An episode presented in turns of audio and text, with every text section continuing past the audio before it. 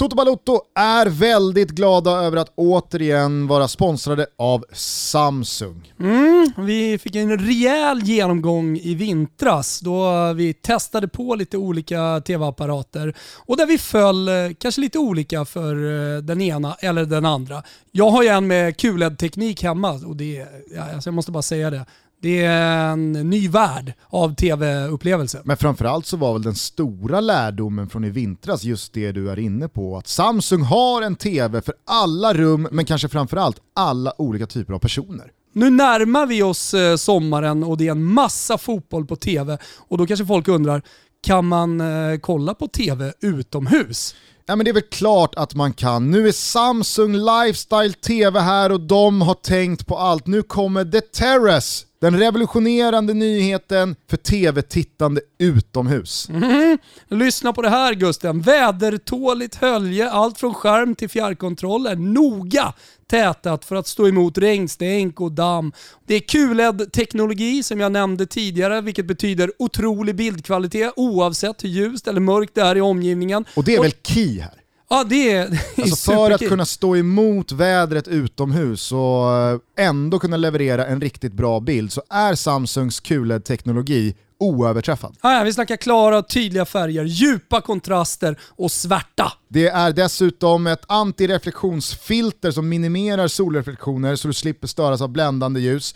Och slår man dessutom på The Terrace Soundbar ja, då blir tv-upplevelsen ännu större. Ja, The Terrace Soundbar fungerar både som soundbar till tvn och som en fristående musikhögtalare. Så du kan växla mellan din favoritlåt och att kika på, på tvn, Augusten. Det är som ni hör en all-in-one soundbar för utomhusbruk med centerhögtalare. Just nu finns ett ruskigt bra erbjudande som är en del av Samsung Lifestyle Weeks som vi skulle vilja lyfta. Köp en Terrace, 65 eller 75 tum, och få Vet du vad Gusten? En grill på köpet! Samsung har fan tänkt på allt. Nu kan man alltså stå och grilla samtidigt som man kollar fotboll ute på terrassen och se en nästan till perfekt bild. Köper du en The Terrace 65-tum eller 75-tum så får man även 50% på The Terrace Soundbar. Surfa in på samsung.com se lifestyle för att läsa mer och hitta din återförsäljare för att ta del av erbjudandet.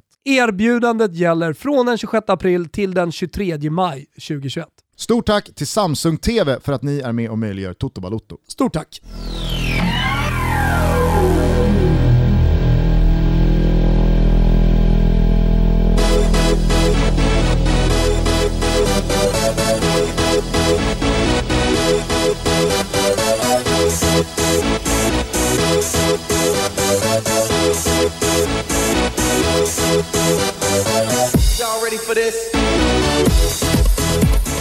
Desperate times calls for desperate actions. Välkomna ska ni vara till Toto Balotto. Det är måndag 26 april och jag säger som jag gör eftersom väldigt många av er som hör det här inte missade att Tipslördag gav sig ut på sin jungfruseglats i lördags och om bara någon timme lite drygt så ramlar Svaneskärten in i vår nybyggda studio också för att göra de första inspelningarna av Tutski Balutski, mästerskapspodden som tre år senare återuppstår. Således Thomas, så blir det fan inget svep i detta måndagstutto. Mästerskapspoddarnas mästerpodd.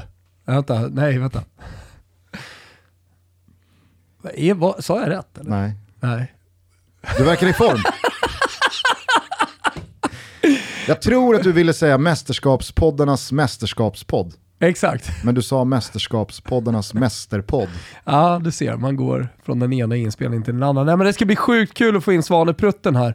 Eh, han är väl eh, stolt som en tupp efter AIKs eh, derbyseger igår. Mm. Eh, så kan förstått, vi ta ner honom lite på jorden tänker jag. Som jag har förstått inte bara skedde på fotbollsplan.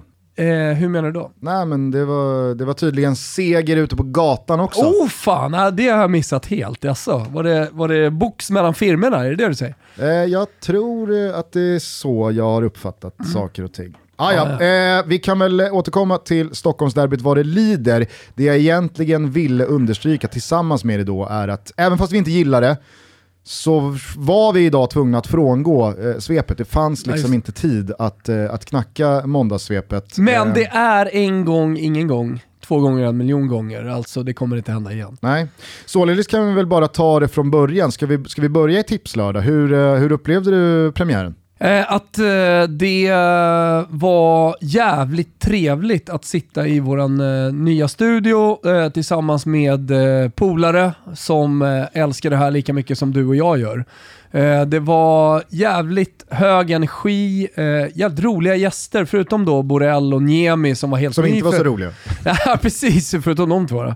Torra. Nej men eh, Niemi är kul för att han har aldrig varit i det här sammanhang, sammanhanget tidigare. Han sitter bakom spakarna med Filip och Fredrik. Eh, normalt sett. Eh, men eh, en positiv överraskning får vi ändå säga att hans debut i, i fotbollsradio var. Men, nej, men jävligt roligt så att kunna ringa Erik Friberg som stod nere på, hiss, eh, nere på planen i 43 minuten. Att kunna vara lite så här snabbrörlig. Vi ringde upp Olivia Skog också direkt efter att hon gjort två drömmål. Vi ringde ner till Anel, kände derbypuls. Alltså så här, vi var jävligt snabbfotade och, och eh, snabbrörliga ska jag säga också. Så att det var finta höger, gå vänster och sen så Borrell då på ena hållet som eh, satt och petade i sig Papavin som var härlig och liksom bara, ja. Det var ju eh, en gästlista som blev ett persongalleri av eh, ja, men minnenas allé lite. Av, Ja. av eh, hela vår och kanske framförallt då din eh, gärning över ganska många år med Borrell och Olen och Philip O'Connor och ja, men, eh, Kimpa Wirsén med hela vägen, nya bekantskaper i Niemi och så fanns Danne och Fribben med. Och, ja, det, var, det, var, eh, Nej, det, ro- var, det var roligt. roligt att lyssna på. Ja, det var roligt. Olen var ju med och han, han kommer ju med speltips, kommer fortsätta göra så på lördagar sen. Eh, gjorde han verkligen det? Nej, jag gjorde inte det den här gången. Det var ju roligt. Du Han var så återigen restriktiv var- med eh, sina pengar. Ja, och han gjorde ju Spelpodden eh, en gång i tiden och eh, han hade väl 19 minuter podd där det inte kom ett eh, speltips. Nej. Men han är ju så, han är restriktiv liksom och han pratar värden och han har ju vunnit över tid, över lång tid på spel. Så det känns ju en jävla ynnest att kunna ha med honom i ett tipslördag. Men, kom in Benga Sonnert in på Skype och så gö- gör vi en rad tillsammans. I vissa matcher får han helt enkelt bara kliva in och så här, styra och ställa. Men eh, det slutar ju med att vi sätter 13 rätt. Niemi har ju aldrig satt 13 rätt förut. Han köpte en andel, det var 50 andelar. Eh, Så han tror han blev miljonär där på kvällen, så han messade bara “Hur mycket har jag vunnit? Hur mycket har jag vunnit?” Ja, det var en laxgubben, det var inte så hög utdelning. Men det var ju kul ändå. Ja, det var jävligt skitkul. roligt. Alltså, man kan aldrig ha mer än 13. Nej, Och exakt. 13 ger ju vad 13 ger, så Precis. att säga. Vi satte spikarna, sen hade vi, kunnat, hade vi haft lite medflyt liksom, så, hade, så hade det blivit högre utdelning. Jag noterade din eh, oerhört korta rek av eh, Norwich-spiken. ja, men alltså, är de inte sugna på att vinna serien. Vi spikar. så jävla platt analys. Ja, men den satt ju. Ja, den Som satt, berget. nej men det var, vi ska inte störa tips där. Det var skitkul, finns som podd eh, på alla plattformar. Eh, man kan lyssna på totobaloto.se också om man känner för det. Eh, nu ska vi kalibrera det här under veckan, få upp skärmar och eh, vara lite tydligare. Det var din feedback att vara så här, ja men klockan ett händer det här, två här, tre här, fyra här. Så kan man lyssna på de favoritsegmenten man vill. Man kan liksom tuna in. Och eh, vi ska se till så att eh, alla våra fem kameror funkar, att det blir lite schyssta skott eh, som man pratar om i, i eh, rörlig bildsväng. Va? Eh, så att det, det kommer vara ett jävligt välkalibrerat eh, tipslördag nu på lördag. Bra radio är väl att det ska låta ouppstyrt, fast det egentligen är väldigt uppstyrt. Exakt så. Exakt. Eh, så att, eh, missa inte fortsättningen av Tipslördag. Missa heller inte då Tutski Balutski-premiären imorgon tisdag. Vi inleder med Turkiet. Vi inleder med turken och eh, för er som undrar var man lyssnar, jo men vi lägger det i Toto Balotto-feeden så att, eh, det är bara att fortsätta följa här så, så kommer ni kunna kommer ni kunna lyssna på alla avsnitt. Det blir jävligt kul att börja bygga lite EM-hype också. Känner inte du att det, det, det var liksom, det, det, det är tid nu att börja göra det? Jag fick en sån jävla skjuts av eh, beslutet att två av tre matcher för Sveriges del flyttar till Sankt Petersburg inför då, vad jag har förstått, minst 18 000 på läktaren. Ja, alltså. Jag, jag följer Camp Sweden på Facebook och de har ju haft jättemånga eh, diskussioner kring hur man ska göra, vad händer med biljetter och allting sånt där. Och, och jag såg att det togs emot, Sankt Petersburg togs emot med, med stort jubel borta hos eh, de, de eh, mest inbitna svenska resande supportrarna. Vet du vad jag tänkte då igår när jag började fnula lite på vad Sankt Petersburg-flytten innebär? Nej. Det är att Sverige eventuellt skulle kunna ligga på park. Alltså, helt ärligt, du har en och en halv timme med flyg till Sankt Petersburg. Från Bromma, som mig veteligen i alla fall har öppet två, Lite två, två månader till. Ja, jo, verkar så. Och så kan de då ha stadion 500 meter ifrån park. Ja. Och så ges det då möjlighet för oss att knalla upp från Stureplan med bengaler och kärlekssånger att kasta över dem när de anländer Fan. tillbaka till hotellet. Du har, du har ju rätt, alltså om man tänker tillbaka på VM 2018 i Ryssland så, så reste man ju hela tiden tillbaka till sitt eh, headquarters. Ja. Som man hade typ vid Svarta havet någonstans. Och det var ju ganska långa resor, inrikesflyg, så här, för alltså flera timmar, så Ryssland är så jävla stort. Fan det här är ingenting ju. Nej? Helvete vad mäktigt att gå- igenom Humlan i, i liksom stora tom. Är vi vaccinerade då? Får vi vara stora samlingar? Vi får, ja, vi får vi skicka ut gamla vi- gardet i sådana fall. jag som är vaccinerad ja. Du får köra någon jävla passkontroll eh, nere vid svampen. Bör, bör, Alla som har två sprutor i sig skickar vi uppåt på Karlavägen. Jag är ju ruskigt för att eh, alla bör tatuera in en sån här streckkod så att det, bara kan bli, blippas. Kanske inte ens behöver blippas, det, det, det bara finns liksom i molnet någonstans här, att, det, att det automatiskt blippas. Så där. Vilka som har, eh, så larmas det till någon jävla central så får, får eh, en, eh, en unit komma och plocka in folk som inte har tagit vaccin, vaccineringen. Eh, Spretig, spretig idé. Jag vet, inte riktigt, jag vet inte riktigt vart du ville ja, men med det, den. det, det är för att jag älskar de här filmerna från Vad har den för tidigt 90 uppsida? Vet du vad? Jag älskar de här filmerna från tidigt 90-tal, slutet 80-tal, eh, som, som blickade på framtiden och såg en framtid som givetvis inte ska finnas, men liksom det var flygande bilar och, och sånt där. Det finns någon med, är det Sylvester Stallone? Demolition Man. Demolition Man. Mm. Ja. Där har du en typ sån film. Eh, Total Recall med, med Stallone Schwarzenegger. mot eh, Wesley Snipes. Just det, så är det. Han blir nedfrusen tror jag. Exakt. Tinas upp Ja. 2057 eller något. Dunderrullar, älskar dem. Usel film, men Stallone är som alltid fem plus. Du, jag har, jag har ett uppdrag till dig. Vi kan väl kanske ta det till eh, Sverige-episoden i Tutski Balutski. Mm. Jag har hittat en melodi som jag tycker borde bli en Sverige-ramsa. Okej, vad är det för melodi då? Vi, vill du höra den? Ja. Mm. Det är svårt att knacka ihop en eh, kul text om man inte har melodin. Då får jag, jag får bara spola, spola till mig här. Då. Nu kommer den. Nu.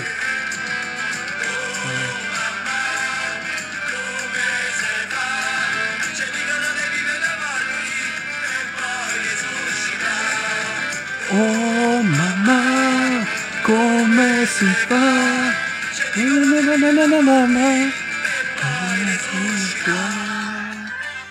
Vad säger du? Ja, där finns det något.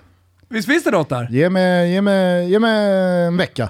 Ja, härligt. Så ska jag nog kunna presentera någonting till Sverige-episoden. Ska vi kanske börja i den eh, svenska fotbollsänden då, den här helgen. John Guidetti återuppstod lite från de döda. Eh, tryckte in 1-0 för Alaves på Mestalla i slutet av matchen, ledde dock bara till 1-1. Men jävlar vad det syntes på det firandet, vad det målet betydde för JG. Och eh, då tänker jag direkt på hur mycket en anfallare verkligen lever på sina mål. Man kan prata hur mycket som helst om defensivt arbete och, och speltid för den delen. Men det, det, det liksom, hans leverbröd, det blir så tydligt här, är att stänka in baljor. Robin Quaison studsade också tillbaks, eh, gjorde ett av Mainz två mål när de slog Bayern München. Kanske inte spelar så jäkla stor roll i var den där ligatiteln hamnar. Bayern har ju eh, en rejäl kudde ner till närmast jagande Leipzig, men för Robin Quaison så är det ju sannoliken positivt att den här säsongen i alla fall börjar ta vägen åt det positiva hållet. Och med tanke på det mästerskap som stundar för Sveriges del så går det ju heller inte att underskatta vikten av att få med sig Quaison i bra slag. Nej, precis. Och för Sveriges del spelar det ingen roll om han har varit sval i januari, februari, mars eller har en dålig säsong bakom sig. Hittar han tillbaka till sin toppform precis innan EM, men det är ju alldeles perfekt. Det tror jag också, eller jag tycker att det är ett eh, fel som många gör när man kanske analyserar inför. Det kan ju vi ta med oss eh, när vi ska göra Tutski Balutski. Men att man, man, man går på hela säsongen när man, eh, när man ska bedöma spelare, kanske till och med bedöma trupper och bedöma nationer inför ett mästerskap. Mm, Du vet ju, det är alltid så när VM eller EM börjar. Då inser man att, ja men fan den där gubben som har varit så jävla bra hela säsongen, han är ju assval här nu. Och så är det någon jävla Schillaci-typ som eh, studsar upp istället. Eh, och det, det, det är det som är lite charmen och häftigt med eh, mästerskap också. Att det, Men du kommer ihåg James Rodriguez i VM 2014. Alltså, det är många spelare som har gjort sina bästa fotbollsprestationer under ett mästerskap trots allt. Verkligen. Eh, Emil Forsberg gjorde också mål även han, hoppade in när Leipzig slog Stuttgart. För Italiensvenskarna så gick det dock lite tyngre. Födelsedagsbarnet Kulusevski gjorde inga nya poäng när Juventus eh, tappade ytterligare mark i den där eh, Serie A-toppen. Eh, Mattias Svanberg hade en helt hemsk kväll ihop med Bologna. Borta mot Atalanta och Zlatan dras med skador. Glädjande dock att eh, Albin var tillbaka på Sampdorias bänk. Ja, det var jätteglädjande. Man hade hoppats att han skulle hoppa in. Jag satt med en tweet redo. Fan, glömmer bort, man glömmer bort Albin när alla de här jävla ungtupparna kommer, i, kommer upp och framförallt så har vi ju fått en jävla massa offensiva spelare som är bra nu. Eh, men, men för all del Svanberg också som det snackas mycket om. Eh, så, så glömmer man bort Albin. Man tar honom för givet lite för mycket Gustav. Mm. Eh, vilken jävla karriär ändå. Vi, här, det, är liksom, det, det, är 32 matcher varenda säsong, det är landslaget, det är sånt, sånt gnugg och jag har sån jävla respekt för Albins karriär. Jag tycker också att varje gång man saknar honom i landslaget på det där centrala mittfältet så märks det. Mm. Det är aldrig man ser Sverige utan Albin och man tänker Ja, det här är nog laget. Nej, och det är svårt att sätta fingret på hans prestation, hans, hans storhet som fotbollsspelare kanske, i och med att allting ska vara så jävla tekniskt och snabbt. Men, men, men jag skulle nog vilja landa i, också när jag pratar med folk som har liksom varit med under hans uh, ungdomsår, att det, det är någon slags grundfärdighet som han har, uh, som är, alltså grundteknik så, som är otroligt bra, alltså vilket gör att han har så få misstag. Och Självklart också skallen. Alltså han, han är ju, alltså då pratar jag inte om att han är vinnarskalle, det är han också såklart. Men en bright fotbollsspelare. Ska du spela på ett centralt mittfält en hel karriär, ska du leva på det och göra det i stora klubbar under så lång tid som han har gjort det, då måste du vara smart alltså. Vi kan väl eh, på detta ämne påminna alla om när Trump vann valet och Albin sa att jag vill finnas till i en värld som bygger broar, inte som bygger murar.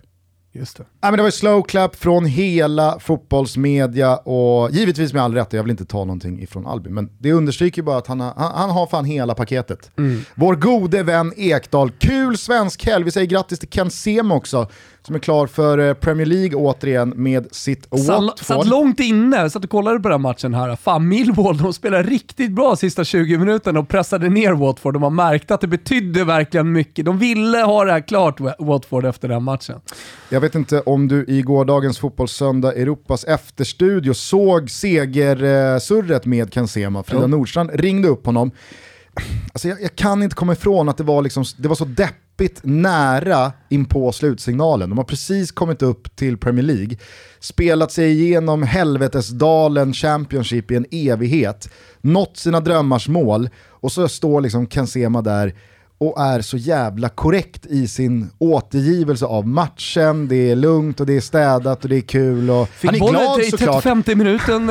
Men man känner bara så här, ja. det, ska, här, det, här, det, ska, det, ska vara, det ska vara mentalt här. Ja. Det, ska vara, det ska spruta öl och det ska vara liksom eh, bara utflippade 30 pers ja. i ett omklädningsrum som inte kan kontrollera sig överhuvudtaget. Men det är väl coronapandemin. Ja. Tomma läktare, det kommer ingen pitchinvasion och det blir inte de här liksom känslosvallen där man bara åker med, någon kastas in i duschen och det är, ja, men, jag vet inte, det, det är väl någonting med också den här yngre generationen att jävligt tidigt är man på telefonen. Jag ska säga att eh, uppflyttningar från kadettserier är de bästa firandena. Och då pratar jag både publik och spelare, men i symbios såklart. Eh, och, alltså Championship kanske ligger, kanske ligger i topp.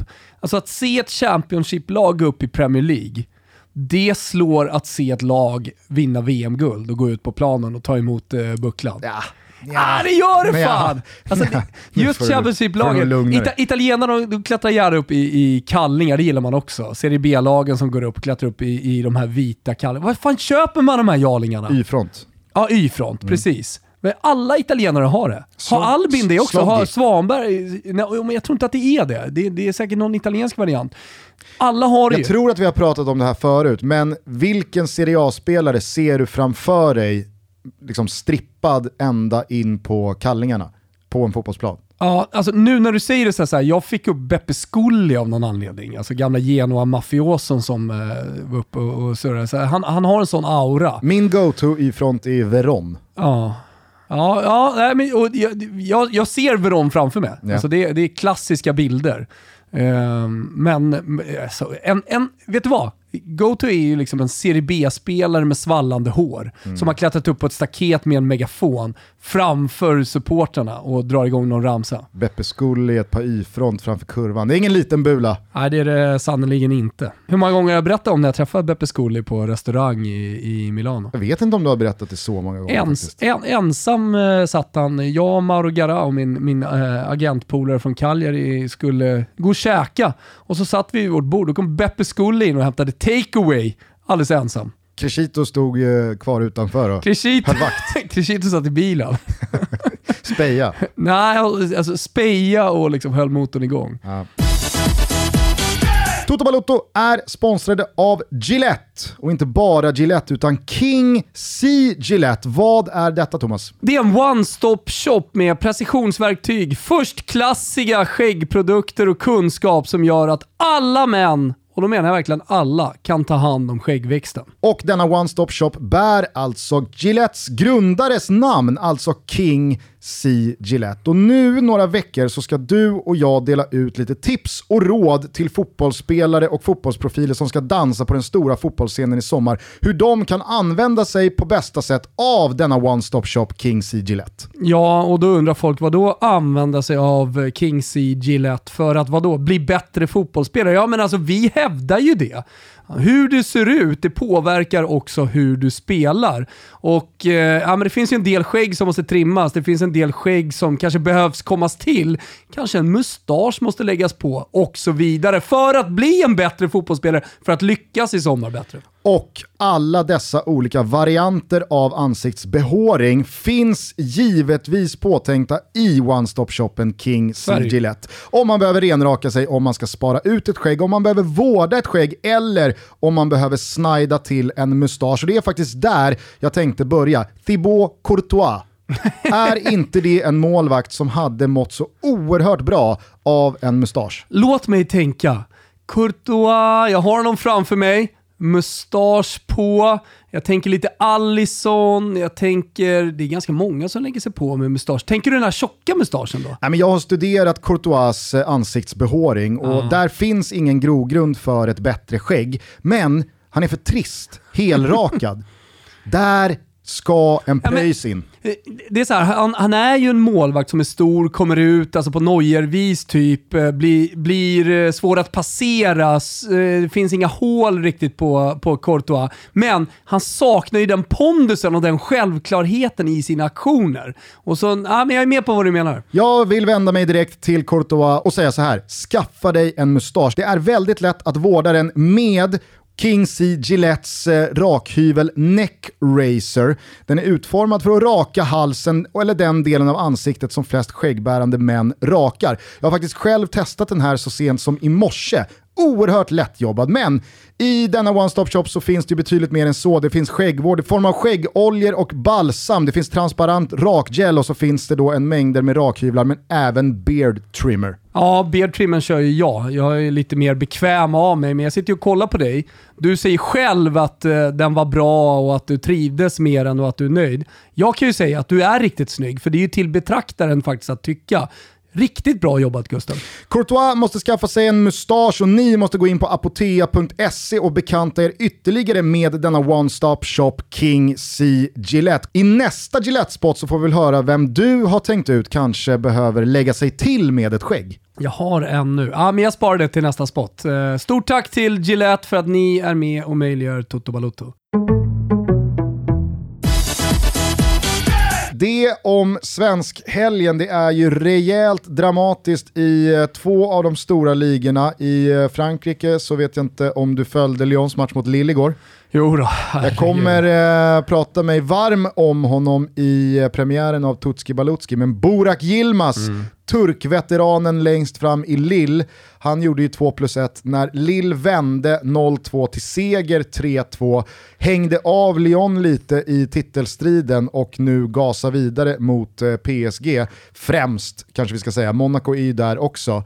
Eh, och det var en helt otroligt fantastisk match. Ja, det var ju det. Alltså att Lyon leder med 2-0 och eh, ja, men, inte stormar mot titeln i och med att PSG är där och sådär. Men, men, men eh, det var ju en direkt avgörande match måste man ju ändå säga. Ja, för Lyons del. Ja, Lille hade ju varit med lite ja, oavsett hur det hade slutat. Hade, jag vet inte om du hade följt det, men jag hade, jag hade, jag hade sett de här bilderna innan matchen eh, när de tog emot spelarbussen, supportrarna alltså. Och det var ett jävla drag och det var bengaler och allting. För det tycker jag ändå så här, ska man, ska man ta med sig, eller när jag tar med mig någonting från helgen, när jag tänker på någonting från helgen, eh, så är det ju supporterna i och med att det var 8000 på ligacupfinalen. Eh, det, det, det, här var sista helgen i Italien som man inte har publik. Nu, nu till nästa helg så börjar, börjar det strömma in.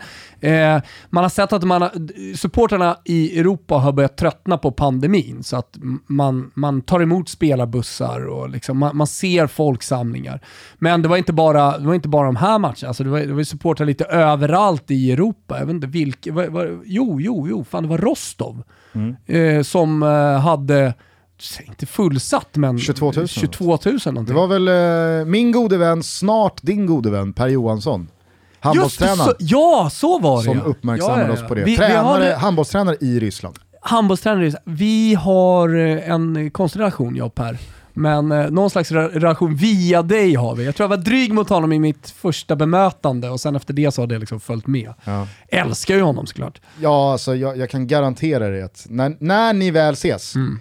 då kommer ni hit it off till 110%. Säkert. Det var väl dessutom 8000 på Bröndby stadion igår. Oh, när eh, de blågula från Köpenhamn eh, segrade igen. Och det oh. säger väl en del om skillnaderna på Danmark och Sverige med bara några mils avstånd. Tomma läktare Malmö FF Östersund, eller åtta pers på mm. läktaren. Och så 8000 då, mm. eh, bara några mil eh, västerut. Ja, men sen, sen eh, alltså det jag tar med mig också i supporterväg är ju Lite längre tillbaka när man även tittar på Hammarbys premiär, Djurgårdens premiär i och med att de har öppnat logerna. Eh, AIK Hammarby igår, eh, restaurangerna var öppna, höll jag på att säga, logerna var öppna. Eh, det hördes publik, det hörs publik nu. Det går såklart inte att jämföra, eh, men alltså så här, det, det, har hänt något. Vi är på väg tillbaka, det här är ljuset i tunneln och vi närmar oss med stormsteg. Eh, det, någon slags normalitet i alla fall. Och eh, min, min så här, pandemin för, för dig och mig har ju inte påverkat oss yrkesmässigt speciellt mycket. Utan alltså så här, vi, vi sitter i den här studion, vi gör Toto som vanligt och privat har det inte uh, påverkat mig speciellt mycket heller förutom liksom ungdomsfotbollen och att gå på fotboll live. Det är de så här, tydliga grejerna och i och med att... Uh, Rönninge är ju social distansering ja, men vi, vi i sin renaste form. I sin renaste form. Och Sverige är ju social distansering i sin renaste form så jag vet inte fan om svenskarna har påverkat så jävla mycket av det här trots allt. Uh, men, men fotbollen, det så, så, är det. Så det, det, blir så jävla starkt när man ser supportrarna. Jag vet inte vad vi började prata om. Jo, Lyon, Lille var det. Ja, vi pratade om eh, den oerhört intressanta toppstriden i Ligue 1. Monaco-Lyon bland annat då i nästa omgång, den fjärde sista. 73, 72, 71, 67 står toppkvartetten på. Men ännu jävla jämnare är det nu i La Liga efter att serieledande Atletico Madrid alltså förlorade igår med 2-1 borta mot Athletic Club. Det var en eh, riktig eh, nervkittlande holmgång vi följde i Fotbollssöndag Europa. För att dessförinnan hade ju Antoine Griezmann med en liten doppietta borta mot Villarreal säkrat tre nya pinnar till Barca. Sevilla hade slagit Granada och kommit underifrån med tre ytterligare poäng. Och så hade Real Madrid återigen på kort tid spelat 0-0 och tappat två pinnar. I den toppen så återfinns alltså de här fyra lagen nu 73, 71, 71, 70 med Barcelona en match kortare än alla de andra för att de spelade cupfinal förra helgen. Vi påminner också alla om att det alltså är inbördes möten som trumfar målskillnad, där Real Madrid har uppsida mot både Atleti och Barca, men Sevilla har Real Madrid kvar att möta samtidigt som Barca och Atletico Madrid ska mötas. Ja, det är så jävla spännande. Det är, det är så många parametrar att ta hänsyn till här. Dessutom ska ju Real Madrid spela Champions League-semifinal imorgon mot Chelsea, så att Jag vet inte riktigt vart du vill börja någonstans i det här toppracet, men om vi kanske ska börja högst upp, vad läser du in i Atletico Madrids torsk igår mot ett ganska så utcheckat Athletic Club som inte hade speciellt mycket att spela för? när man gör sin analys av läget, kollar på den här tabellen, ser lite vad som har hänt under den här säsongen, blickar framåt, kollar spelschema. Du nämner Real Madrid, ja men då borde ju de ha fokus där, de borde bli lite trötta. Eh, men det blir så jävla snårigt för att jag, jag hittar inte rätt. Jag började analysera Atletico Madrid, jag torskade igår, vad läser jag in av det? Sen Sen tänker jag tillbaka lite på vad Atletico Madrid är för någonting. Ja men det är ju pannben, det är ju att resa sig efter förluster. Om man har inte blivit en för mycket, ja men det kanske är just det som gör att de reser sig. Alltså det finns ingen logik i den här avslutningen tycker jag. Alltså Barcelona startar på något sätt som favorit i och med att de har en match mindre spelad och eh, jag förutsätter att de vinner den, då har de 74 poäng. Så att så här, ja, Barcelona vinner väl den här jävla titeln i slutändan ändå.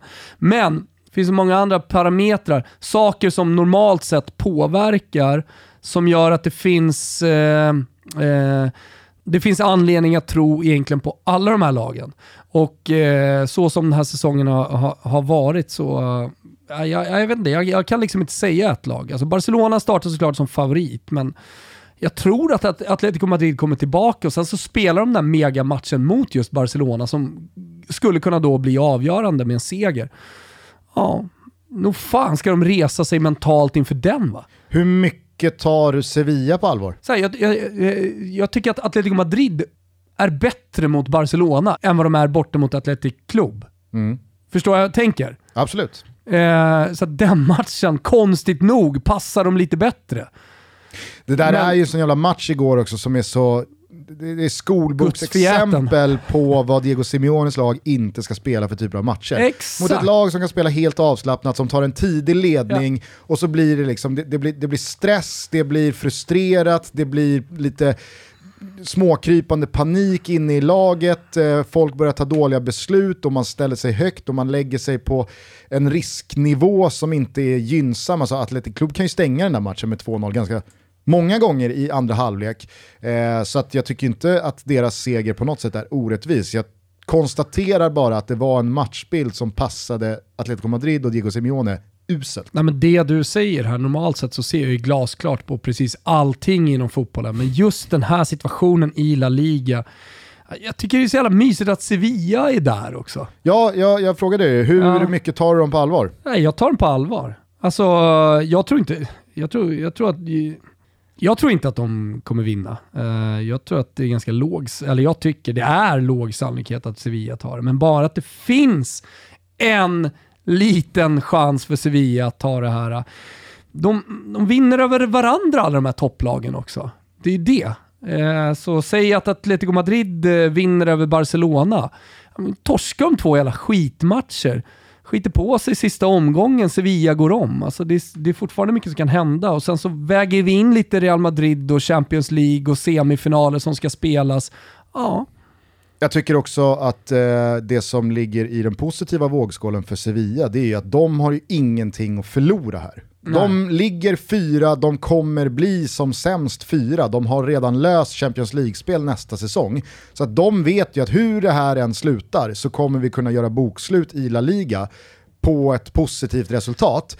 Således är ju allt annat en bonus. Mm. Den pressen finns ju på alla de andra tre. Mm. Skulle Atletico Madrid nu, ja men det har de ju gjort i ganska många veckor, ganska många omgångar, tappa det här, ja men då blir det ju så fruktansvärt stort fiasko i slutändan, alldeles oavsett vad Diego Simeone hävdar. Barcelona, ja visst, det var nog ingen som trodde att de skulle la landa den inhemska dubben när eh, allting stormade kring eh, presidentkaoset och de brakade ur mot PSG i Champions League och Messi skulle lämna och så vidare och så vidare. Men skulle man inte ta ligatiteln, ja men då är det ju fortfarande en dålig säsong Barcelona gör rent resultatmässigt. En Copa del Rey-titel räcker liksom inte för att väga upp uttåg i Champions League i åttondelsrundan och en missad ligatitel. Och för Real Madrid, ja men de är regerande mästare Visst, de har inte haft slagläge på titeln speciellt många veckor under den här säsongen. Men det är Real Madrid och de kan säkert peka på en hel del skador. Och skulle de vinna Champions League, ja men då är det väl klart att säsongen i stort slutar på plus ändå. Men Real Madrid kan ju aldrig i en ligatitelstrid spela utan press med allt att vinna. Nej. För att det är Real Madrid. Så att där tycker jag att Sevilla har en, eh, en, en, en tydlig edge gentemot de andra. De kan ju spela avslappnat på ett helt annat sätt. Ja, men titta bara på helgens matcher, alltså med Real Madrid som kryssar mot Betis. Eh, Ba- Barcelona vinner ju och de vinner välförtjänt, men det, det, det är inte eh, Barcelona som bara manglar via Real, vilket ändå talar för att de kommer ju säkerligen tappa några poäng fram till eh, sista omgången. Eh, det, det är liksom inget lag här som känns bombbra, alltså slaktbra, som bara kommer eh, ta eh, rena, raka segrar. Det är det, de som känns mest så är Barcelona, för mig i alla fall. Samtidigt hade ju det där favoritskapet kunnat påverkas rejält när, eh, såg du eh, Trigueros eh, tackling på Messi? Ja. Alltså att den fotleden inte går av är ju helt otroligt. Det är en vältränad fotled. Absolut, men det var bara det jag skulle komma till, att när det skedde så fick man ju en påminnelse om hur skört det här Barcelona är också i procent vad gäller slagstyrka. Messi med, Messi out. Det är ganska många procent som får den där eh, titelstriden att kantra över till något annat lags fördel. Eh, jag eh, skulle, innan vi släpper Real Madrid och La Liga, vilja göra lite avbön. Ibland så får man backa. Du vet eh, min käpphäst kring eh, Mohamed Salah och hans avslutsförmåga. Yes. Stör mig satan att jag kröp till korset och till slut gick med på att han Ja, var du en backar på en backning. Ja men nu är jag ju, alltså, jag menade ju aldrig det. Nej. Jag har ju, Ja, det vet ju du. Jag vet. har ju alltid menat på att nej, han är ingen bra avslutare. Och nu tror jag att alla förstår vad jag alltid hävdat. Skitsamma, jag tänkte pudla kring Eder Militao. Jaha. Du vet mittbacken i Real Madrid som hämtades från Porto för två år sedan. Har ju haft det lite jobbigt att ta sig in i eh, Real Madrids eh, startelva. Kanske inte så konstigt när Sergio Ramos och Rafael Varan är eh, mittbackarna man ska försöka slå ut. Gjorde ju också i höstas vad Kristoffer Kviborg kallade för den sämsta individuella insatsen han någonsin sett en spelare i Real Madrid göra när Real Madrid föll då hemma mot Shakhtar Donetsk. Men Alltså den här jäveln, fan vad han har spelat upp sig. Fan vad han har höjt sig och fan vad han Håller återigen har visat hur mycket det betyder för kanske framförallt mittbackar att få 6, 7, 8, 90 minuter i följd. Mm. Du får inte en match mot ett dasslag i Champions League när laget redan är klart, eller en kuppmatch eller en ligamatch där du då ska visa att ja, men jag håller minsann lika hög nivå som Sergio Ramos eller Rafael Varan. Alltså det är väl svårt. Det är väl klart att det är det. Men nu, med Ramos skadad, Varann har varit out här på covid den senaste tiden. Äh, jag, jag är mäkta imponerad över eh, Militaus eh, insatser. Ja, men eh, den enes död, den andres bröd. Alltså någon, no, någon blir skadad, det blir läge för någon annan, men då gäller det att steppa upp, då gäller det att utvecklas, då gäller det att ta den möjligheten. Eller hur? Och det är det han gör. Det händer ju ofta inom fotbollen, men, men eh, 90% av gångerna, så är i alla fall känslan, så viker de ner sig. Ersättarna alltså, de eh, kanske lite yngre spelarna, men de som står på vänt. Nu ska de in, nu får de chansen, nu har du tre veckor på det här, det är en skada. 90% av gångerna, är det en bra siffra eller? Känner du att du kan eh, lira med den? Ja. Då viks det ner. Du är stark på volley, så Ja, exakt. Då viks, då viks det ner. Ja, nej, eh, jag lyfter på hatten för Eder Militao. Han har eh, motbevisat mig och säkert många andra tvivlare också. Toto Balotto är sponsrade av Flowlife. Jag har redan talat mig varm om eh, den innovativa träningsprodukten Flowtank som man alltså fyller med både luft och vatten utifrån behov. Och så har man då en portabel skivstång eller hantel med sig ut på träningspasset. Flow Life är alltså ett svenskt företag som är marknadsledande vad det gäller innovativa massage och träningsprodukter. Du pratade ju om en träningsprodukt. Jag slår ytterligare en gång ett starkt slag för Flowgun Pocket, alltså en massagepistol som inte enbart är riktigt kraftfull utan även riktigt smidig och kompakt. Eh, inte större än en smartphone, men Flogan ger fortfarande en av de mest kraftfulla behandlingarna på marknaden. Fram till och med den 30 april så får man 20% rabatt på hela sitt köp på flowlifesweden.com om man använder rabattkoden TUTTOFLOW20. Ja, men passa på med det nu Gusten, för det är bara fram till 30 fjärde. Precis, gå in på flowlifesweden.com och känn dig trygg med att du har ångerrätt. Hos Flowlife har man nämligen alltid 100 dagar nöjd kundgaranti, wow. så man kan testa sin produkt i 100 dagar innan man bestämmer sig. Wow, wow, wow! Flowlifesweden.com, TOTOFLOW20 i koden. In nu, vi säger stort tack till Flowlife. Eh, vi tar oss till eh, Italien där eh, Inter nu är eh, 5% ifrån eh, ligatiteln, i alla uh. fall enligt Antonio Conte. Och återigen en sån här, eh, alltså långt ifrån vacker men jävligt eh, betydelsefull och tung seger. Matteo Darmian matchens enda målskytt igen när Hellas Verona slog tillbaka. Och det är väl inte så jävla mycket mer att säga kring detta Inter än att man, man kommer vinna den här ligatiteln ytterst välförtjänt när vi summerar hela säsongen. Mm. Man har haft sina dippar och man hade en jävla tuff period i höstas när man parallellt kom sist i sin Champions League-grupp och återigen då misslyckades i kuppspel och Conte fick en släng av sleven än en gång för eh, sin eh, förmåga som eh, kuppcoach och så vidare.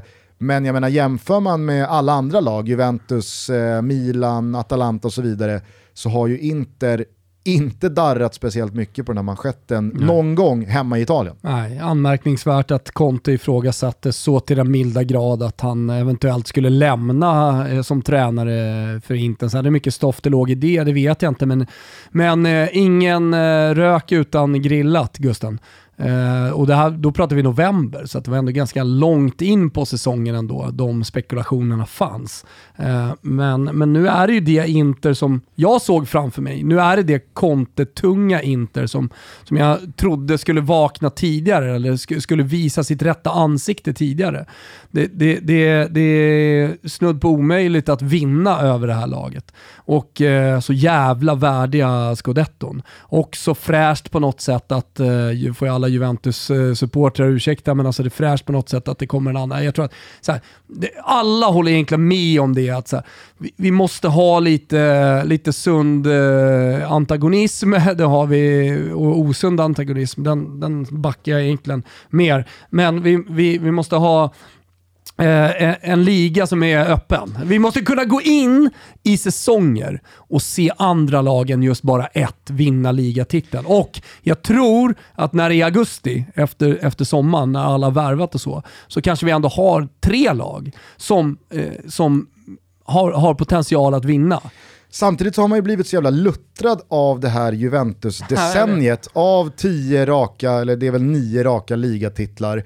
Eh, man har varit i Champions League-finaler och det har varit en total dominans även fast Napoli var nära att sticka upp någon gång. Och Inter har haft ambitioner att hota och Roma har eh, varit där och gnagt någon säsong. Absolut, men håll med mig även fast du och jag säkert är två av de första att välkomna att Juventus abdikerar från titeltronen och att konkurrensen blir tuffare och jämnare i Serie A-toppen.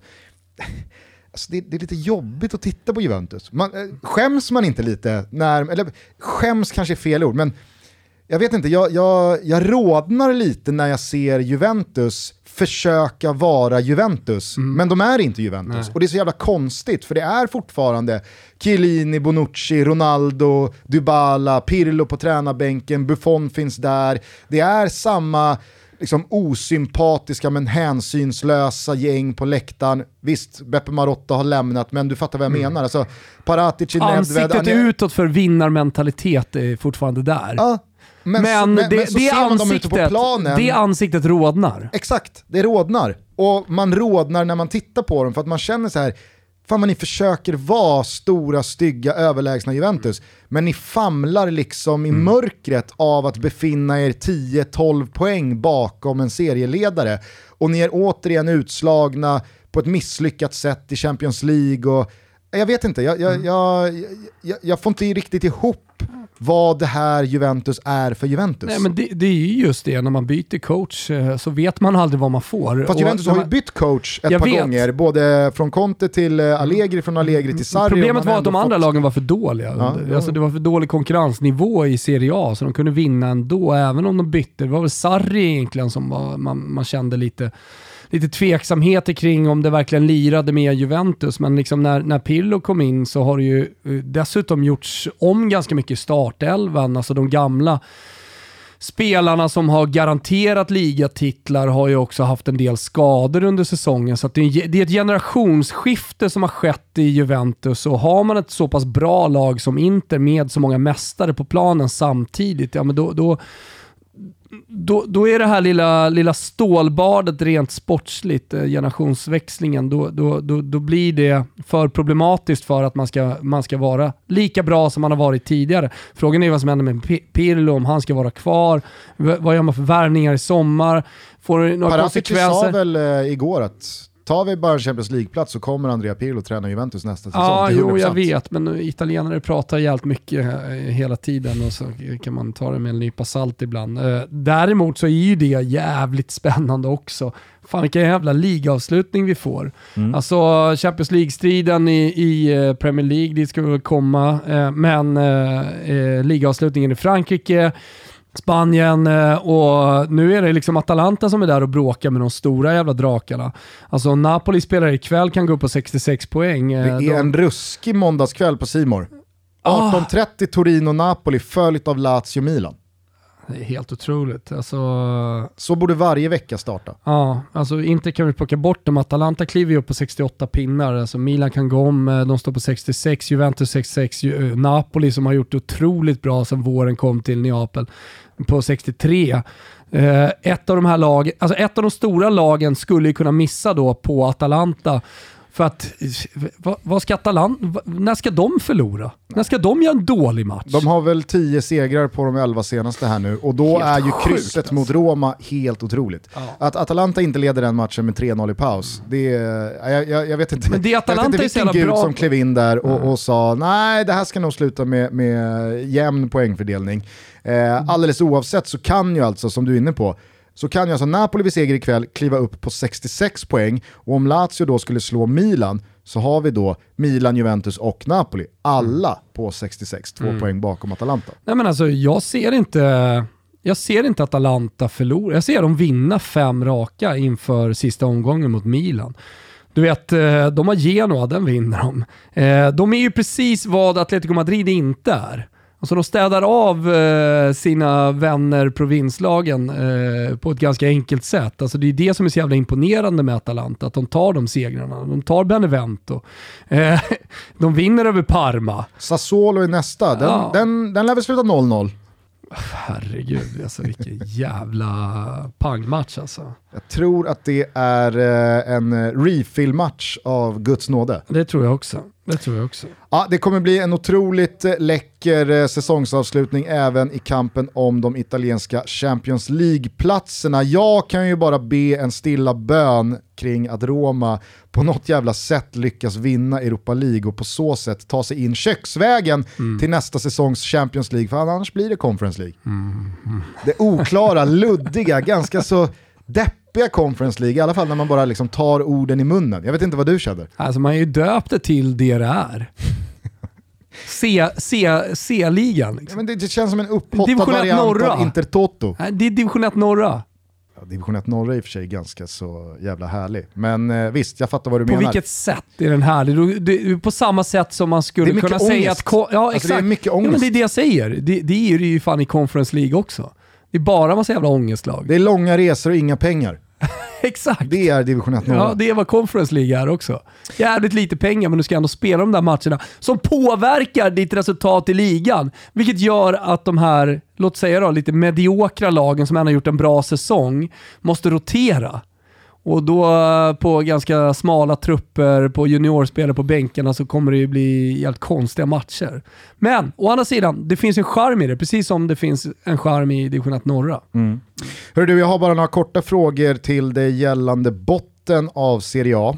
Eh, Crotone har ju ingen missat, eh, är ju dyngsist och kommer åka ur med huvudet före. De är väl typ eh, snart även matematiskt klara eh, för eh, nedflyttning. Men Simmy den här jävla anfallaren längst fram i Crotone. Men 17 nu eller? Nej, nej, nej, nej, nej, nej, nej, nej. Det räcker inte. Det räcker inte. Simmi har alltså gjort 19 mål Oj. i detta Crotone. Den 28-årige nigerianen Simmi har nu de senaste tre säsongerna i Crotone gjort 53 mål. Alltså, vart tar han vägen? Eller hakar han på ner tillbaka i Serie B tror du? Nej, kan han inte göra. Alltså, det är för många klubbar. Alltså, om du tar dem, Bologna, Fiorentina, Sassuolo, eh, jag tänkte säga Atalanta, men de har ju sitt på det torra vad det gäller anfallare, kan man lugnt säga. De klubbarna kommer ju vilja ha honom. Alltså, det, det finns ju Serie A-klubbar som skulle må jävligt bra med en Simi på topp. Och det är inte bara den här säsongen. Det är inte så att han bara liksom studsar upp och gör 19 baljer här. Det är som du säger, han gjorde 20 året innan och han gjorde 14 året innan det.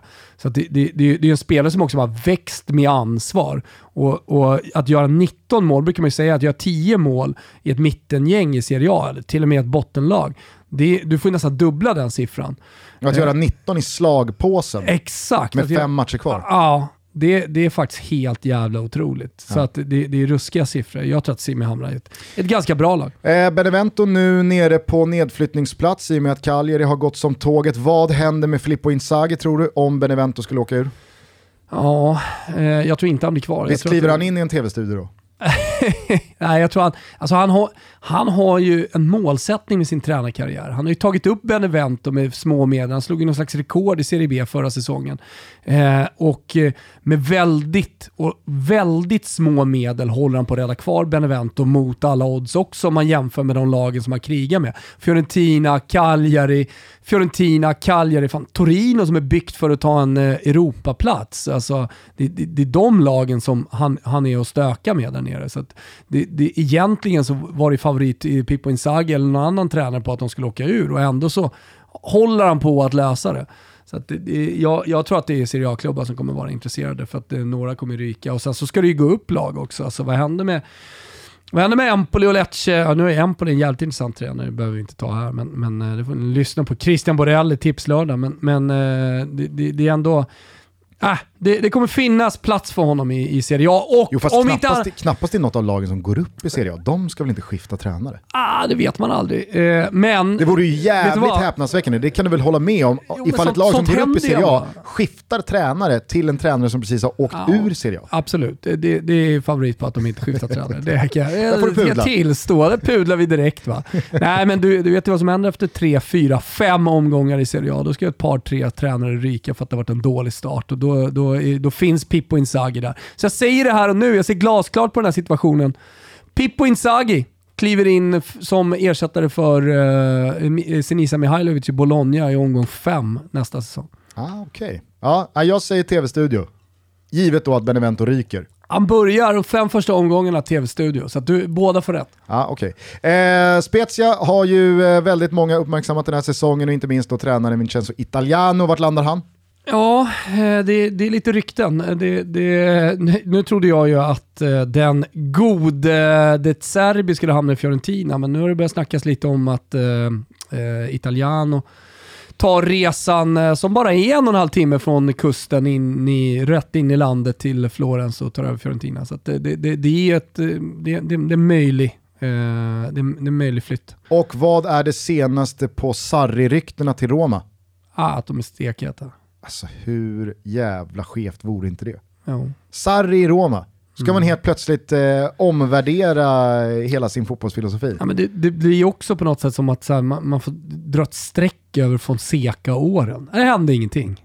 Kanske var han då så någon slags interim med nya ägare, få bort Palotta-stämpeln på klubben, det får, gå lite, det får gå lite trögt, vi tar in en portugis, vi gör det här nu ett par säsonger och sen så kommer Sarri in och lyfter projektet. Men jag vet inte riktigt vad som är projektet heller. Alltså så, så, eh, det, jag, jag säger, Rom har bra spelare, inte det, men det måste hända någonting. Hela Dzeko-soppan förra året, han blev kvar.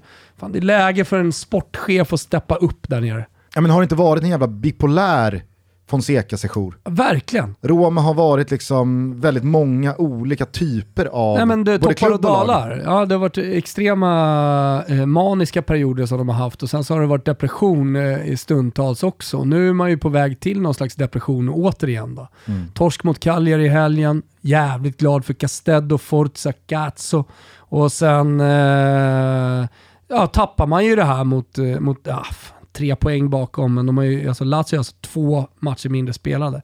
Conference League är klart, om inte Sassuolo hämtar upp eh, Roma. För det skulle ju också kunna hända. Fast i det här läget så måste väl ändå Sassuolo, Roma... Sassuolo är ju ett conference-lag. Det, det, det, dess- det är ett premium conference-lag. Verkligen.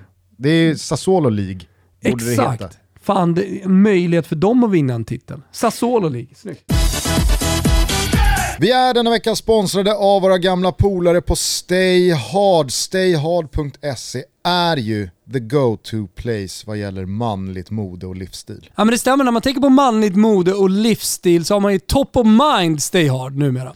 Och Stay Hard vill att det ska gå väldigt fort och vara väldigt enkelt att handla på stayhard.se. Således så skickas alla beställningar som läggs innan klockan 13.00 samma dag och skulle de här grejerna mot förmodan inte vara som du tänkt dig så har de alltid fria returer och du kan såklart prova dina saker hemma innan du pröjsar. Det är faktiskt någonting som jag verkligen har märkt när man beställer grejer till barnen generellt sett över nätet, att det är stor skillnad från nätbutik till nätbutik. Och här går, tycker jag, Stay Hard verkligen i bräschen. Ni som har varit med i Toto länge, ni vet ju att Stay Hard huserar över 250 otroligt läckra varumärken. Calvin Klein, Tommy Hilfiger, Ralph Lauren och Peak Performance bland andra. Men idag så skulle vi kort bara vilja lyfta Fred Perry. Mm, detta klassiska märke. Pikéerna är, är de så nära K-märkta det går att komma med en piké?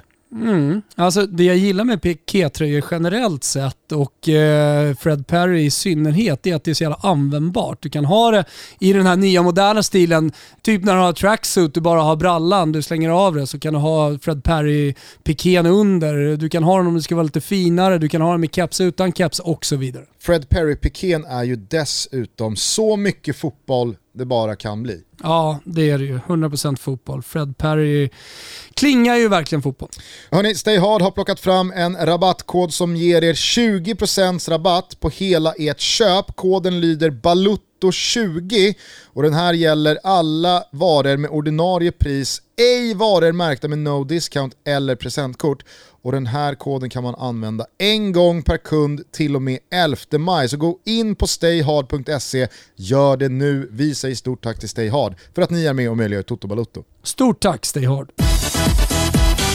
Hörni, vi eh, släpper eh, Serie A, vänder hem till Svea rike och stolta allsvenskan där bara ett lag stoltserar med nio poäng efter tre spelade omgångar. Det är Djurgårdens IF som, på tal om då kanske inte att vara bipolär i någon slags negativ laddning, utan bipolär i en positiv laddning, har visat upp hur många strängar det finns på lyra. Jag tyckte Björn Jonsson sammanfattade det väldigt väl igår.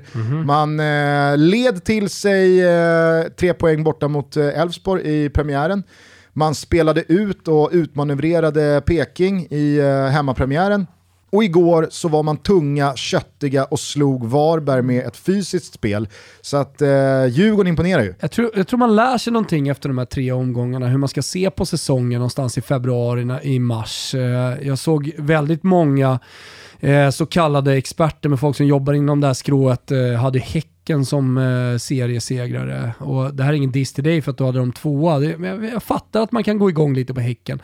Eh, Men, men samtidigt så här, det, det, det, är ett för dåligt, det, det är för liten klubb. De kan, det, är för många bra konkurrenter som är mycket större och tyngre för att de ska kunna vinna allsvenskan. Eh, men men så här, det man missar på Djurgården det är att de ser lite dåliga ut på försäsongen. Är du med? Alltså man väger det Fast så nu såg jävla de ju tungt. väldigt bra ut på Jo, försäsongen. jo, Det- jo, jo visserligen, men eh, det, okej, säg så här, då, så här, så här, andra lag värvar mer.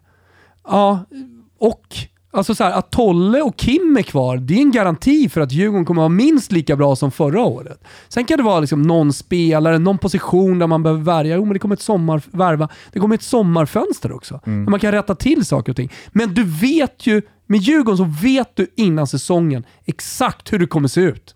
För att det har vi sett tidigare. Även om Ulvestad och Karlström har försvunnit, eh, ja men där fanns ett frågetecken. Jag har pratat om det. Vad fan hände centralt? Det är för viktiga positioner. Kan man verkligen byta ut det? Är de tillräckligt bra? Ja men då har jag underskattat Bosse. Fan han är ju utropad som Sveriges bästa sportchef varje säsong.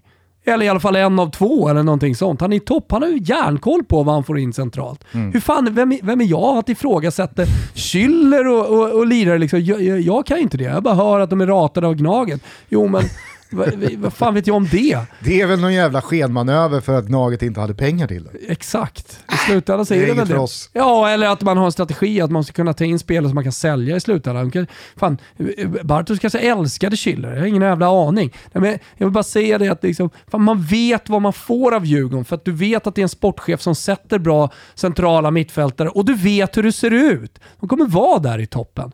Ja, jag pudlar där. Det är pudeldagen Gusten. Jag pudlar. Snyggt. Eftersom jag var en av dem som sa så. Ensamma på nio pinnar stoltserar Diffen i topp. Jag tycker dock att vi ska dela ut eh, precis lika högt betyg till Henka Rydströms Kalmar och Daniel Bäckströms Jävla runt kring eh, Kalmar. Bara, bara stanna där. Jag, jag hörde Jens Fjällström, alltså, oavsett vilken match som spelades igår, så skulle han prata om Kalmar och hur gärna han ville resa och titta på Kalmar. Fan, spela in skiten på en, eh, på, på en DVD då och kolla i efterhand. Jag, jag förstår att det är en annan grej att kolla live. Men det var liksom så här, röd tråd hela tiden. Men, men nu vill jag höra om matchen. Är du med? Mm, För det antar jag att du är. Ja, jag, jag är med. Men eh, samtidigt så är det väl ändå på sin plats att hylla och gå Jo, till Kalmar jag- jag- när jag- Henrik Rydström är tillbaka på sättet han fick lämna, sett till vem han är i klubben. Jag menar, ba, jag menar bara, vad, vad, vad är grejen då? Att, att de, de, de spelar bra fotboll. Det, det, det är jätte, jätteroligt att de spelar bra fotboll, men är, är det bara det? Eller är det att de kan vinna allsvenskan? Eller vad är, är Nej, tror grejen med de Kalmar? Är det kan. bara lite roligt att men, titta men, på? Men eller? du om någon vet väl också och värdesätter eh, incitamentet att en klubb får tillbaka en ikon Oh, som ja. tränare som har varit med så många år som spelare under en tid då Kalmar faktiskt var bäst i Sverige. Alltså Henrik Rydström har lyft SM-bucklan och även fast det låter helt sjukt idag som ett dåligt skämt att Kalmar ska vara med och hota om ett SM-guld, för det gör det ju. 2021, om någon skulle säga "Äh, jag tror Kalmar kommer vara med och blanda sig i, då är det ju tvångströja att spärra in den gubben. Å andra sidan är jag helt övertygad om att Henrik Rydström, han har sen han klev in på Guldfågeln igen, försökt implementera att men vänta nu, vi har gjort den här resan en gång tidigare. Varför skulle vi inte kunna göra den igen? Ja, absolut. Är det, någon som kan är det någon som inte kan svara på den frågan, så där är dörren. Du Ja. bara lämna, för att jag är inte här för att komma 11 och kryssa mig igenom fyra säsonger innan jag lämnar. Jag är- jag är jag är här i Kalmar för att vinna. Absolut. Nej, men alltså, jag är snortaggad på att se Kalmar spela matcher. Jag har bara sett sammandragen. Är jag du det? Eller ska vi pudla direkt Nej, på... ja, jag får pudla på den direkt också. Om de möter något topplag är jag intresserad. Ja. Och se, ja, alltså, det, det är på riktigt intresserad av att se. Hur ser det ut mot Malmö? Hur ser det ut mot Göteborg? Hur ser det ut mot Djurgården? Hur ser det ut mot Gnaget? Hur ser det ut mot Bayern? Det är där jag är intresserad. Hans efterträdare i Sirius i alla fall, Daniel Bäckström, den unge Daniel Bäckström, 33 år gammal, har ju fått en kanonstart med Sirpan i alla fall. Det var vi inne på i eh, vår uh, inför eh, special med att Sirius nog kommer gå en ganska trevlig säsong till mötes, även fast man har tappat ett par tunga spelare som gjorde det riktigt bra i fjol. Skitsamma, om vi rör oss lite längre ner i den eh, allsvenska tabell som kanske inte satt sig på riktigt ännu, men som ändå indikerar en hel del grejer som jag tycker är värda att fånga upp, så är det ju, som du var inne på, Häcken där.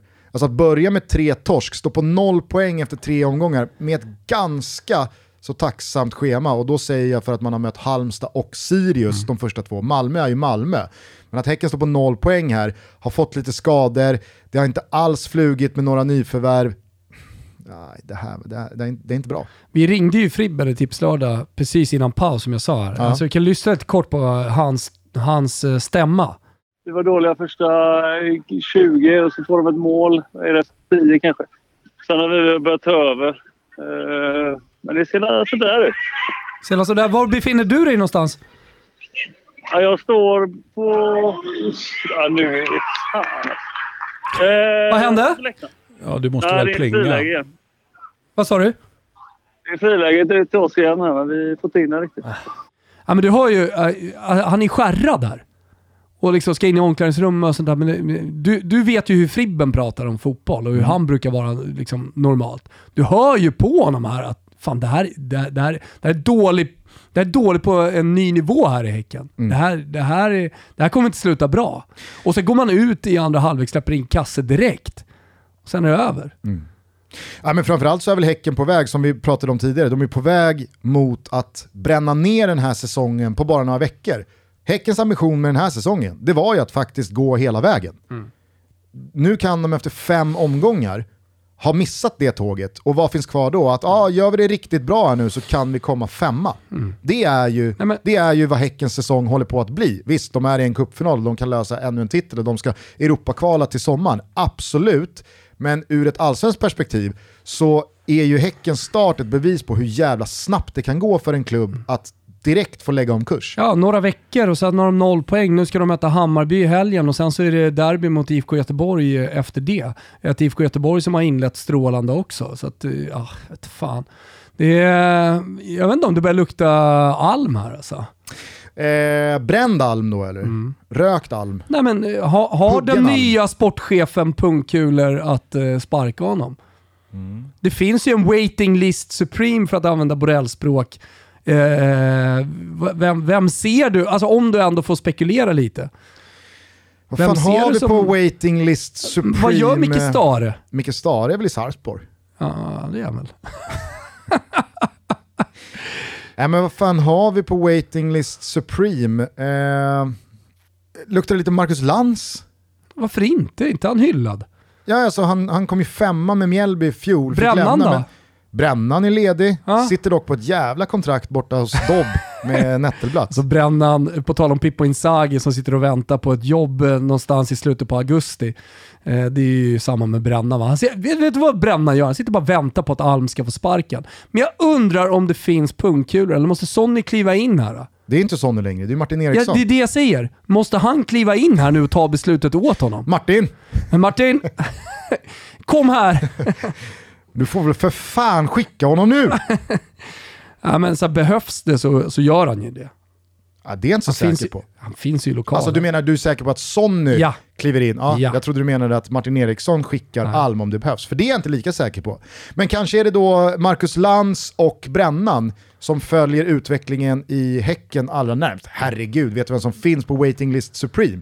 Axén. Ja, exakt. Vill han jobba eller? Axén, vill han, jobba som han, vill, han vill ju jobba med Fribben. ja, det är precis sant. Det är, det, det är bara ja, anledning nog för Axén att se över Häcken-möjligheten. Alltså, häckens material, att vara lite framtunga och spela med energi och ha den typen av tränare passar väl Axén ganska bra också. Plus att det är ett ganska neutralt beslut att ta. I Ofarlig klubb.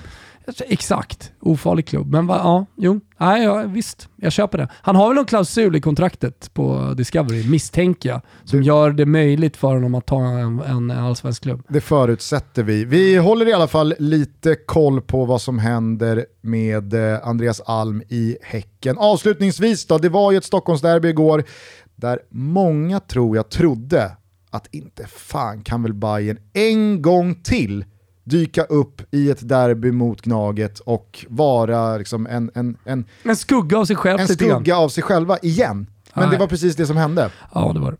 Gnaget eh, står ju för en riktig plattmatch mot Blåvitt som i alla fall fick mig att omvärdera den där premiärinsatsen, att kanske var det Degerfors som var ganska risiga snarare än AIK som var riktigt bra.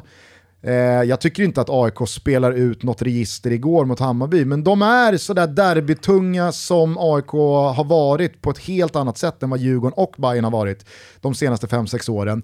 Man håller nollan, man vinner duellerna, man tar fighten, man är, eh, var det Henok som sa efter matchen att eh, Bayern är bra när de får vara grisiga och, och, och stökiga. Men idag sprang de in i sina övermän för att vi var grisigare än vad de var. Vi var tuffare, vi var fulare, vi var...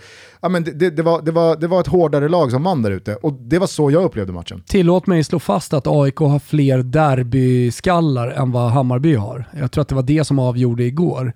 Eh, dels det, dels lite fingertoppskänsla av eh, Bartos som eh, sätter in Henok bland annat. Eh, eh, jag tycker också, så Erik Karl har det pratats väldigt mycket om eh, och liksom att han han ska vara en stor försäljning för AIK. Han går mot eh, sin andra säsong och så nu har han varit skadad och 81 kommer in, kommit in och det blev ju en jackpot mot Hammarby för han tog ner Amo eh, fullständigt i och med att han också är så, så pass kraftfull i steget och snabb och klarar av hans vändningar. Så att, så här, jag säger inte att Erik Karl inte hade lyckats med det, men, men jag tror att en man-man-duell eh, mellan Amo och eh, Otieno liksom talade mer för Gnagets fördel eh, i, igår än om Erik Karl hade spelat. Nu är du ju eh, jävig här så det bara sjunger om det. Part i målet, aik som du är. Men hur ser du på den här diskussionen som ändå var kring den här matchen med att AIK är ett lag som är väldigt Stockholmspräglat. Man har, man har verkligen eh, satt en stolthet i att ha blåa linjen, Solna och Stockholm representerade i sitt lag.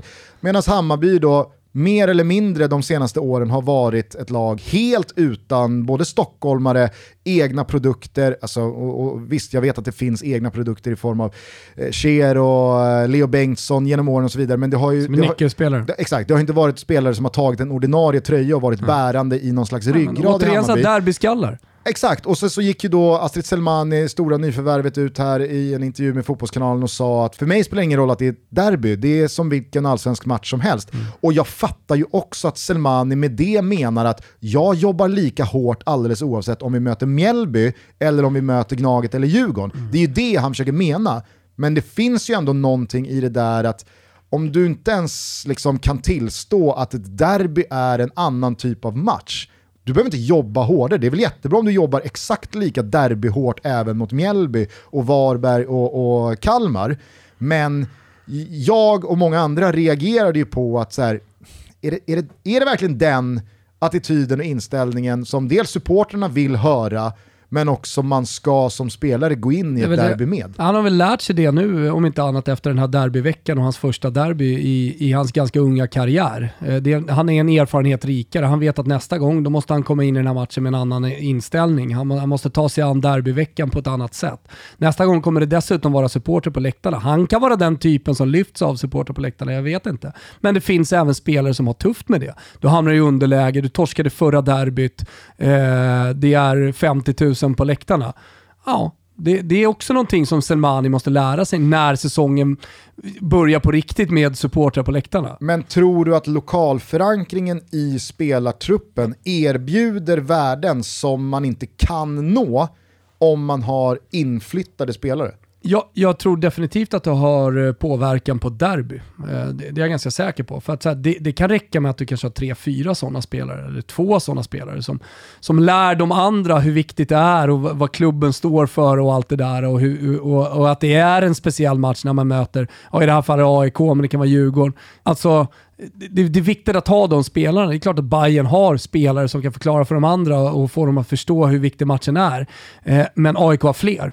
Och AIKs, eh, AIKs derbyskallar är betydligt eh, tjockare än vad Hammarbys är. Jag är övertygad om att det tillsammans med att eh, eventuellt eh, liksom Bartos vinner lite, lite matchen, tränarmatchen mot, mot Billborn. Eh, att eh, Hammarby inte kommer upp riktigt i nivå, men det är också att göra med att AIK försvarar sig bra. Han säger ju det, Billborn, direkt efter matchen. att ja, men vi har lite svårt med när AIK drar ner tempot. Man hör i hans röst lite att det är ungdomstränaren i BP som talar.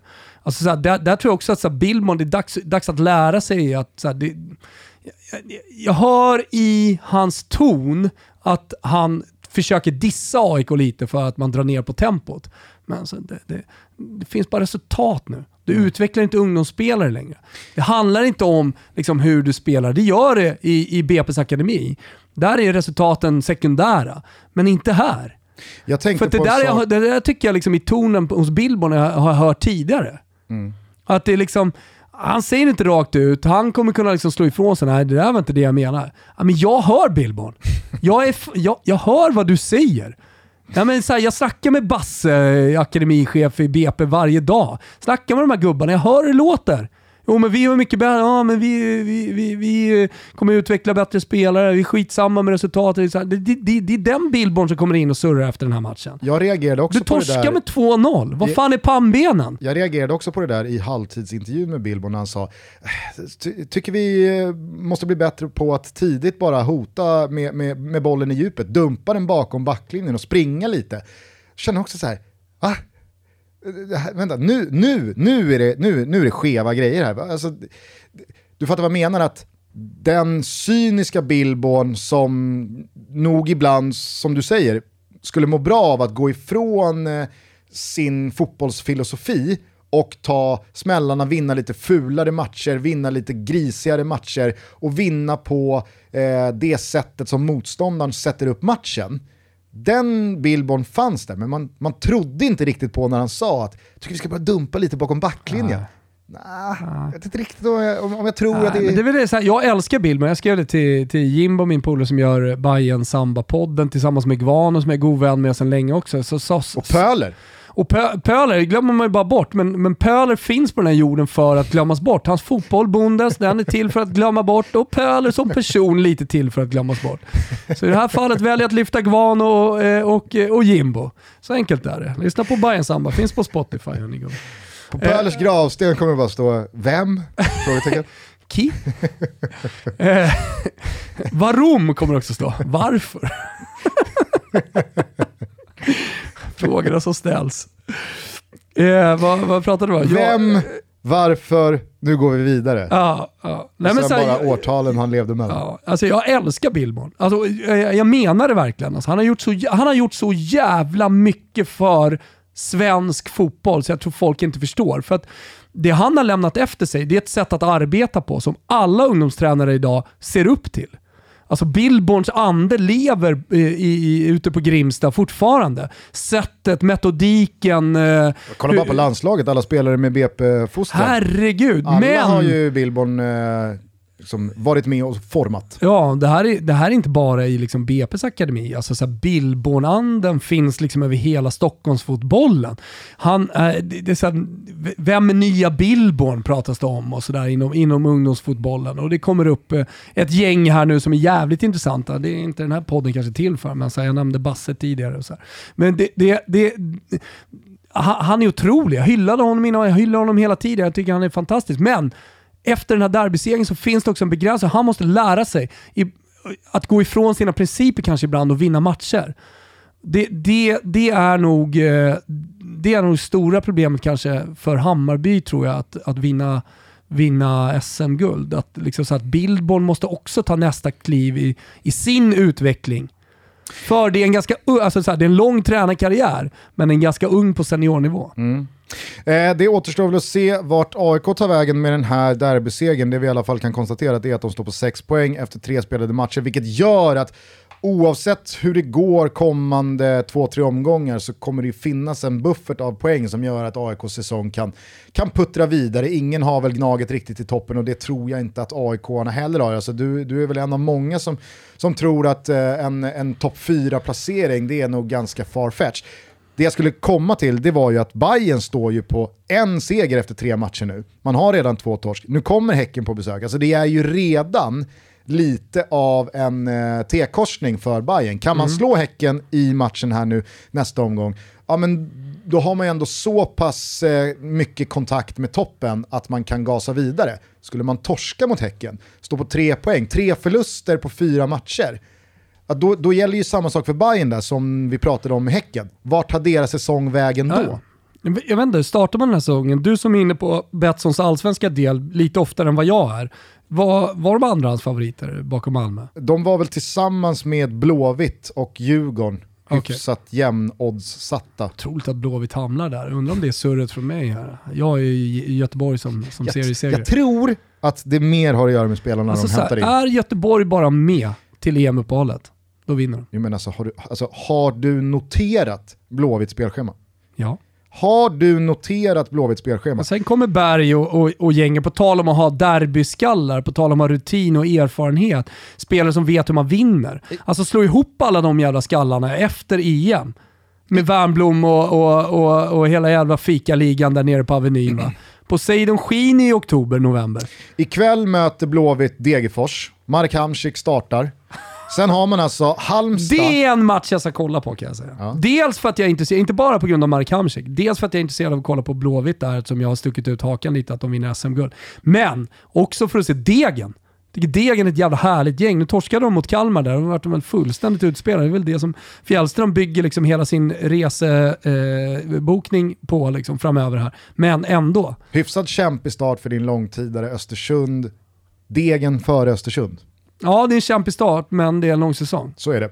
Ja, men det skulle komma till var då att Blåvitt har ikväll Degerfors, sen möter man Halmstad, sen har man Häcken på hemmaplan, man möter Kalmar, man möter Sirius innan man den 23 maj, sista omgången innan EM-uppehållet, möter Djurgården.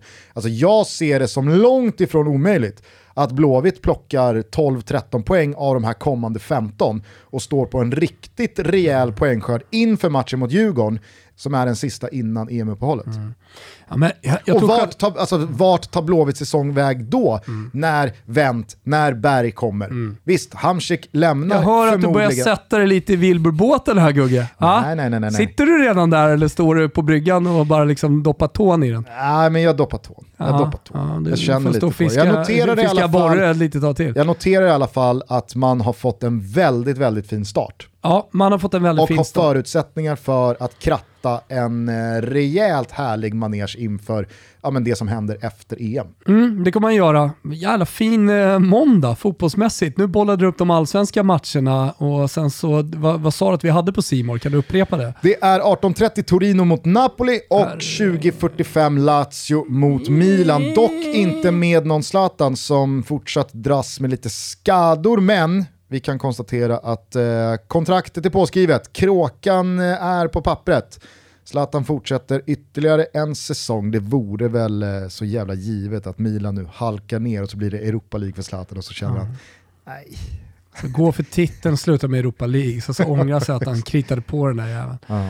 ja, det hade faktiskt varit, eh, det hade varit sjukt. Och, och kollar man på de där lagen, det är Juventus och Milan som har svagast form. Å andra sidan så kan ju den formen kanske vända också. Det är, det är några omgångar kvar och även om man får lite hype, eh, eller det har blivit lite hype på Napoli och Atalanta just nu, så ja, det, Sassuolo borta nästa omgång. Nu är man tillbaka i Serie A igen. Fan. Ruskig måndagskväll är det hur som helst. Ni följer Torino, Napoli och Lazio mot Milan på Simors kanaler. Det är Champions League-semifinaler tisdag, onsdag, Europa League-semifinaler på torsdag. Vi hörs väl igen på torsdag va? Ja det gör vi. Vi måste eh, landa City PSG så tätt inpå som ja. möjligt känner jag. Eh, kort bara, vad är din känsla inför de här två matcherna? Ah, jag måste ju säga att jag fortsatt har goda PSG-vibbar. Mm. Så att jag kommer, jag, jag, det finns ingen anledning för mig att inte stå fast vid det. För när jag sa det så visste jag att de skulle möta City i något läge kanske. Och Bayern München i något, eh, och eller Bayern München i något läge. Uh, det, det, det, det, är någonting med PSG den här säsongen som säger mig att det, det, det, är deras år. Och imorgon 21.00 då, när domaren visslar igång Real Madrid mot Chelsea, då kan vi definitivt begrava Super League. Eh, vi hörs igen på torsdag, ta hand om varandra till dess. Eh, vi eh, kan eventuellt komma att skicka ut en liten midweek-kupong hos Betsson. Det var jävla surt med Toto-trippen i, i helgen måste jag säga. Att Liverpool inte vinner den där matchen, ah. ens med ett mål, är ju ett eh, smärre mirakel. Kved i Tipslördag-studion, Gustav. Kved. Och att Juventus inte kan... Så lät jag. Eh, Så lät jag. Mm. Du har, du har lagt det till med det där eh, ljudet på ett sätt som... Jag, jag, jag, jag säger det bara nu en gång. Ja. Var försiktig med hur mycket du använder det. Ja. Eh, Juventus kunde som sagt inte brotta ner Fiorentina så att vi satt bara ett av tre spel. Helt enkelt för dåligt, det blev ingen poker heller den här gången, men vi tar nya tag snart igen på Betsson. Häng med oss där, eller ja. via våra sociala medier så missar ni inte någonting. Tack för att ni har lyssnat, vi hörs snart igen. Ciao tutti! Ciao tutti!